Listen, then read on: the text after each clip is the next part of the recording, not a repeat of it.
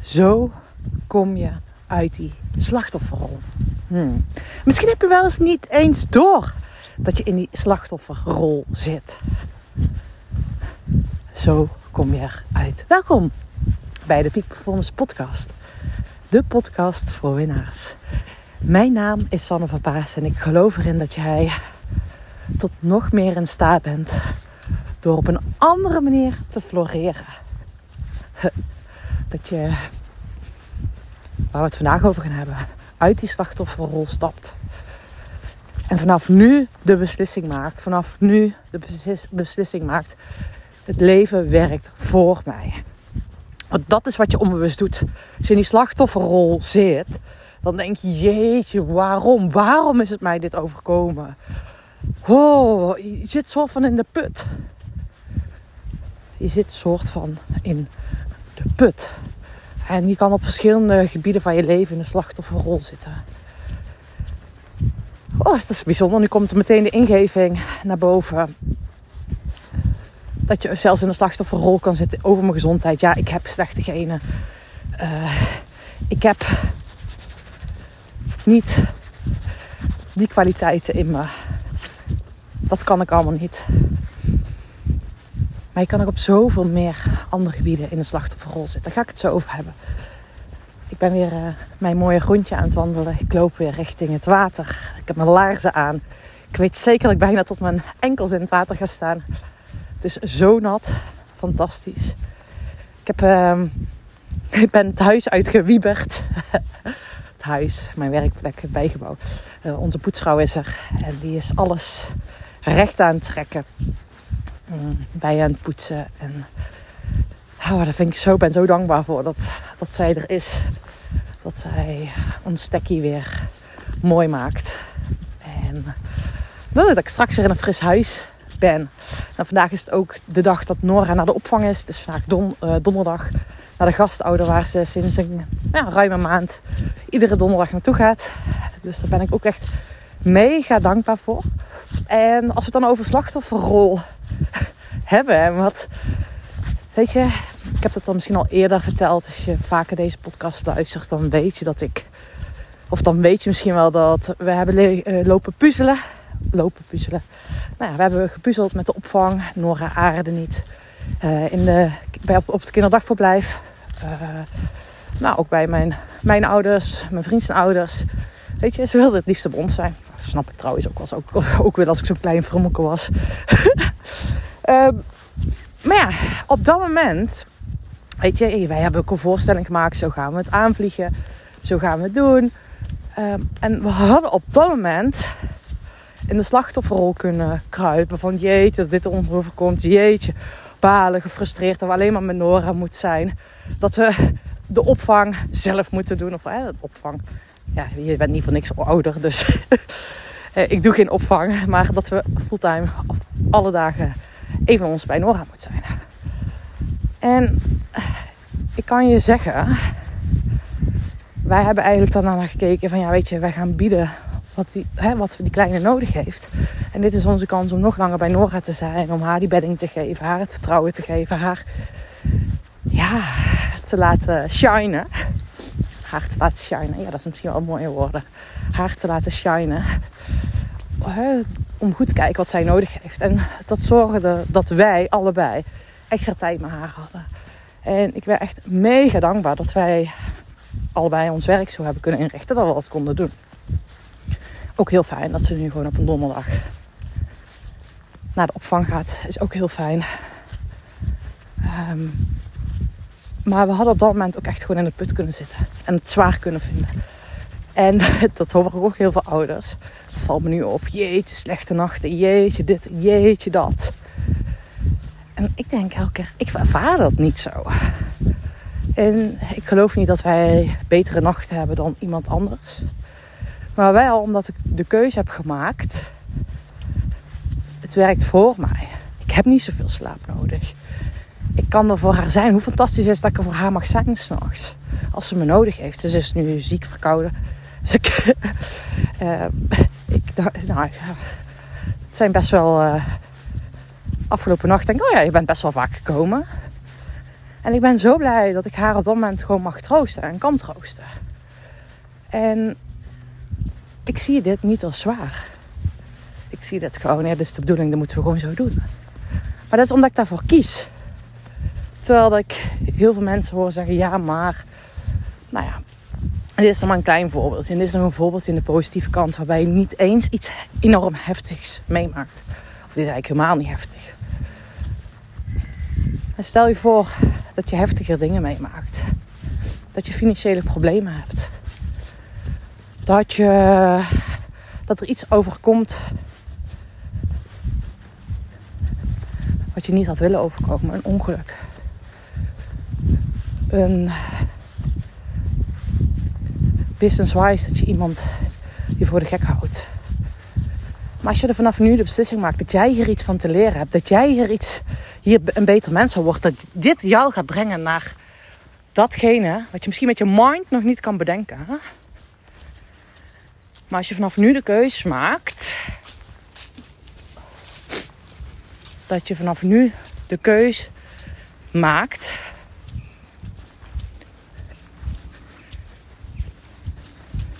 dat het voor je werkt. Dat het voor je werkt, dat dit misschien wel moest gebeuren om jou tot diepere inzichten te laten inzien. En gisteren, of eergisteren, ik weet niet, maar deze week heb ik ook in de podcast gedeeld dat ik zie als mensen niet bereid zijn om keuzes te maken voor, hè, dat terwijl ze aan alles voelen en weten, dit is mijn koers, dit is wat ik te doen heb en toch maar niet doen. Dan krijgen ze elke keer een boemerang effect. Uh, dat het niet gebeurt, dat het niet lukt, dat, dat ze weer slechte dingen op hun pad krijgen. Sommige mensen krijgen echt regelmatig ongelukken. Gisteren had ik dus weer een klant aan de telefoon. Die had weer, weer ja, nou, ik zeg weer omdat ze uh, dat al eerder heeft gehad. Of dit is een oude klant trouwens. Die weer zei van, joh San, ik, wil even, ik heb jou, ik heb je weer nodig. Um, maar die, als ze merkt dat ze niet op koers is, dat ze uh, met de auto stommigheden heeft. Dus ergens tegen aanrijdt. Als je nu denkt, wat hoor ik? Ken je springt in het water.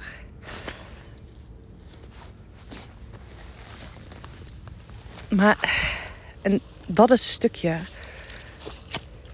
Hè, zij kan op dat moment bedenken: damn, vergeet je man. Hè, ik ben gestrest en ik ben slachtoffer van de situatie. Of op een moment keuze maken. Hey, het is helder. Ik heb keuzes te maken. Ik heb te luisteren naar mijn onderbuikgevoel. Ik heb te luisteren naar mijn diepere verlangens. Ik heb gewoon actie te ondernemen. In plaats van je denkt, ja damn, uh, nu heb ik weer kosten aan die auto. Heb ik, moet ik dat allemaal regelen? Of je ziet het echt als een signaal dat je denkt, oké, nu vooruit. En waar kies jij voor? En kies je dan ook voor, en daar had ik, heb ik van de week in mijn privé, los, in mijn privé uh, omgeving uh, gezien. En dat vind ik echt zo bijzonder. En het liefst wil ik ze dan wakker schudden. Maar dat is niet aan mij om wakker te schudden. Ik ben daar voor jou. Als je bij mij komt. en dan ga ik je wakker schudden. Maar niet ongevraagd. Daar ben ik niet voor. En dat zie ik in mijn omgeving. Dat, dat er iemand in de slachtofferrol kiest, zit. En doordat hij in de slachtofferrol zit, krijg je de dynamiet, miek, dat de ander die ander wil redden. je hebt natuurlijk slachtoffers en je hebt daders. Daders of hulpverleners. Oeh, nu voel ik ook meteen, ik zeg hulpverleners. Ja, dat die ander wilt redden. En dat is uiteindelijk ook met coaching, met het vak wat ik doe.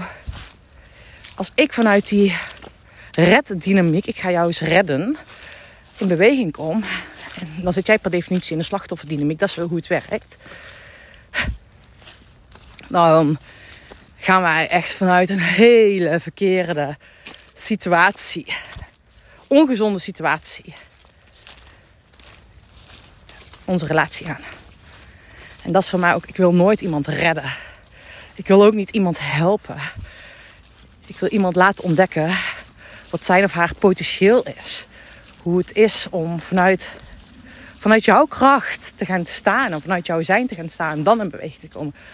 Maar ik wil je absoluut niet redden. Ik wil je absoluut niet helpen. Ik wil je inspireren en uitnodigen om vanuit een andere plek in beweging te komen. En voel je hem als ik vanuit, oeh, ik ga je helpen, ik ga je redden. En ik zag dus in mijn privéomgeving echt iemand de dynamiek, die zat in de slachtofferdynamiek. En de ander wilde hem redden. Oh. En daar bereik je helemaal niks mee. Daar bereik je absoluut helemaal niks mee. Dus ga eens voor jezelf na. Ook als je iemand te hulp wil schieten, vanuit welke plek doe je dat? Ik zou eens willen redden, willen helpen. Of vanuit, ik zie jou. En ik zie jouw grote worsteling. En die worsteling is helemaal oké.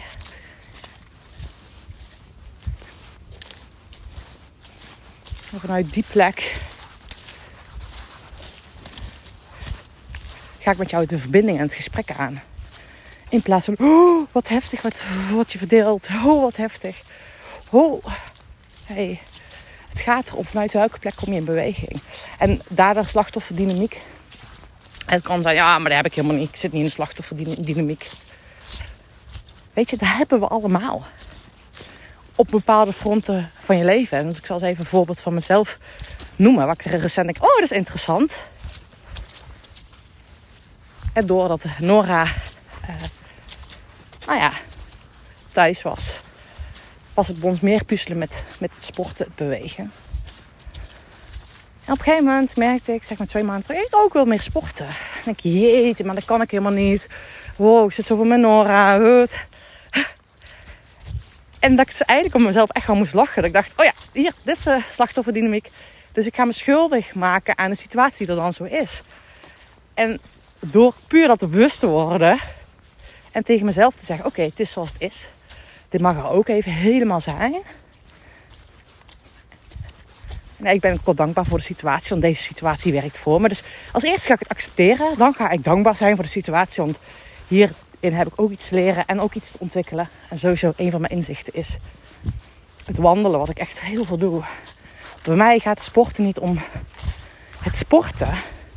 Weet je, als ik nu naar een sportschool moet gaan om daar mijn meters te maken en mijn kilometers of mijn calorieën te verbranden, oh verschrikkelijk. Mij gaat het bewegen om buiten zijn, in de natuur zijn, verbinden met, ja, gewoon met de elementen. Daar gaat bij mij het sporten op. Dus toen ik dit inzicht had, dacht ik, oh ja, wauw. Maar ik wandel echt zoveel. Uh, met Nora in de draagzak, in de draagtas. Of we hebben in ieder geval een hele mooie gadget. En denk, oh ja, maar dit, weet je, ik ben daar zo blij mee. Maar ik word voldaan. En ik merk ook dat ik fysiek steeds sterker ben. Dus het is echt gewoon al een cadeau op zich. Ik accepteer zoals het is. Ik ben dankbaar. En ik zeg echt letterlijk tegen mezelf, deze situatie gaat voor me werken. En vervolgens maak ik een keuze. En keuze resulteerde er ook weer in dat ik mijn hardloopschoen heb gepakt. Ik denk, oh ja, ik kan ook gewoon even drie kwartier hardlopen. Hoe lekker is dat? Ik kan met Nora hardlopen in de wandelwagen. Hoe vet is dat? Het is eigenlijk zo simpel. Ik kan gewoon oefeningen doen met Nora. En weet je, ik vind het dan wel fantastisch. Ik heb die dynamiek bij mezelf ontdekt. Ik merkte dat. En ik heb hem eigenlijk, eigenlijk, uh, ik heb hem gewoon in één dag geswitcht. Dus puur die bewustwording en ik switch hem. En dat is de uitnodiging voor jou ook. Hoe lang blijf je erin hangen?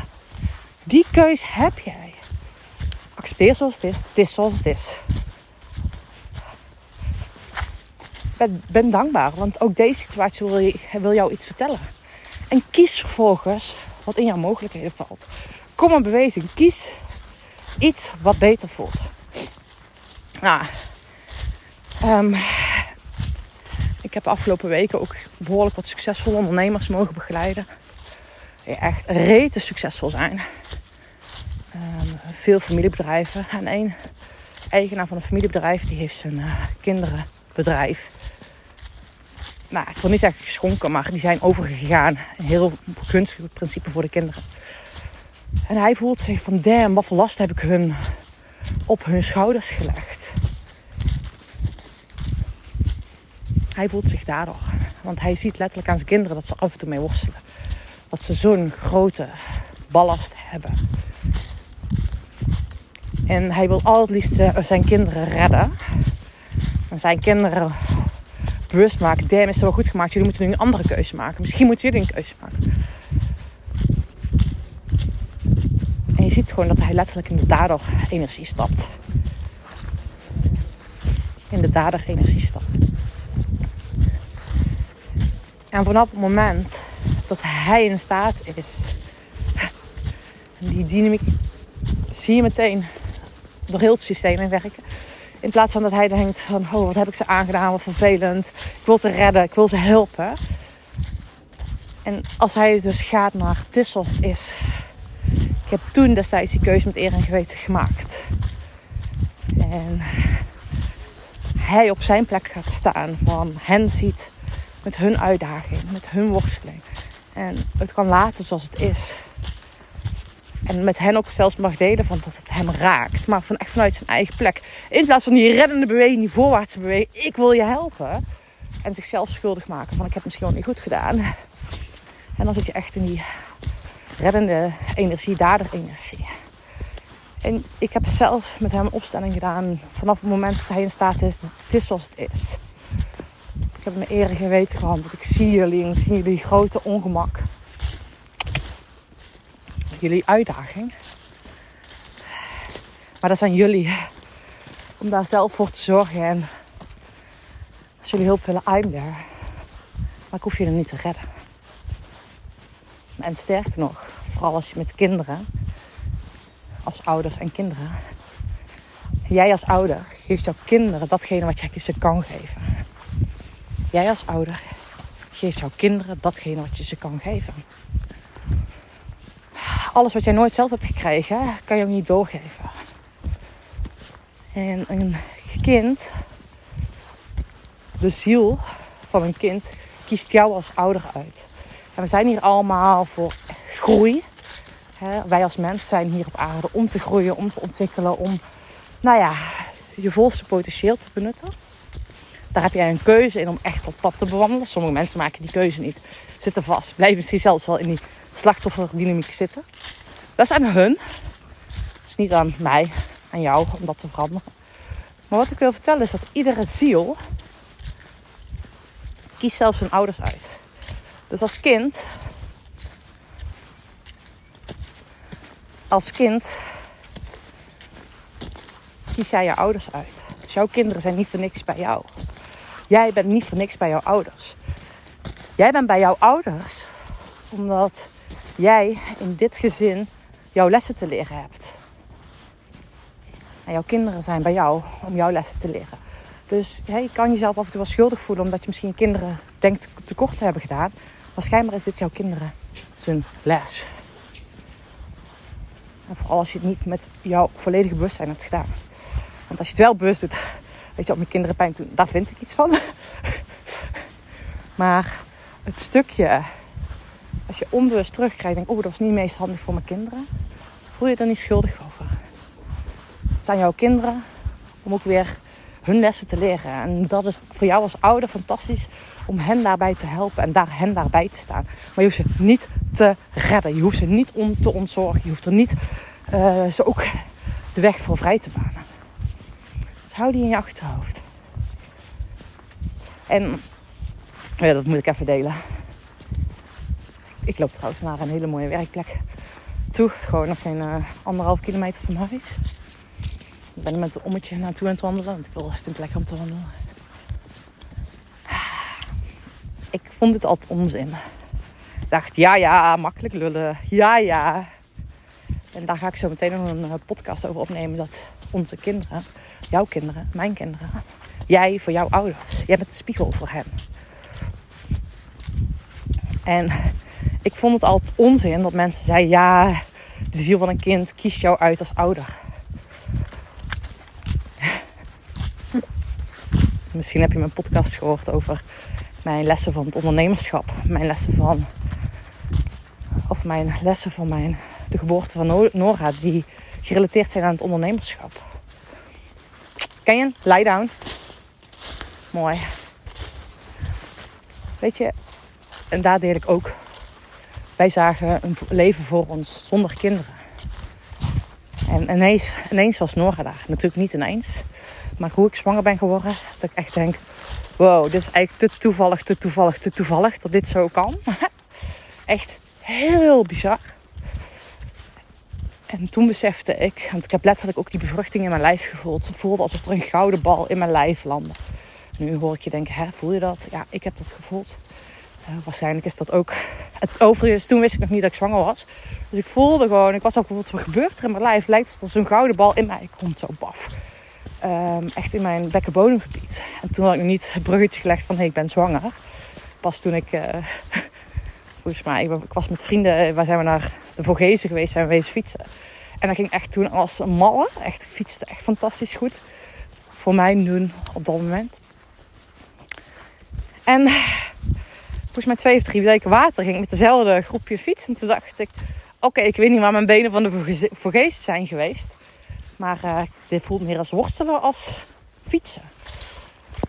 Um, en toen was dus al die gouden bal geweest. En achteraf denk ik, oh ja, dat is de bevruchting geweest.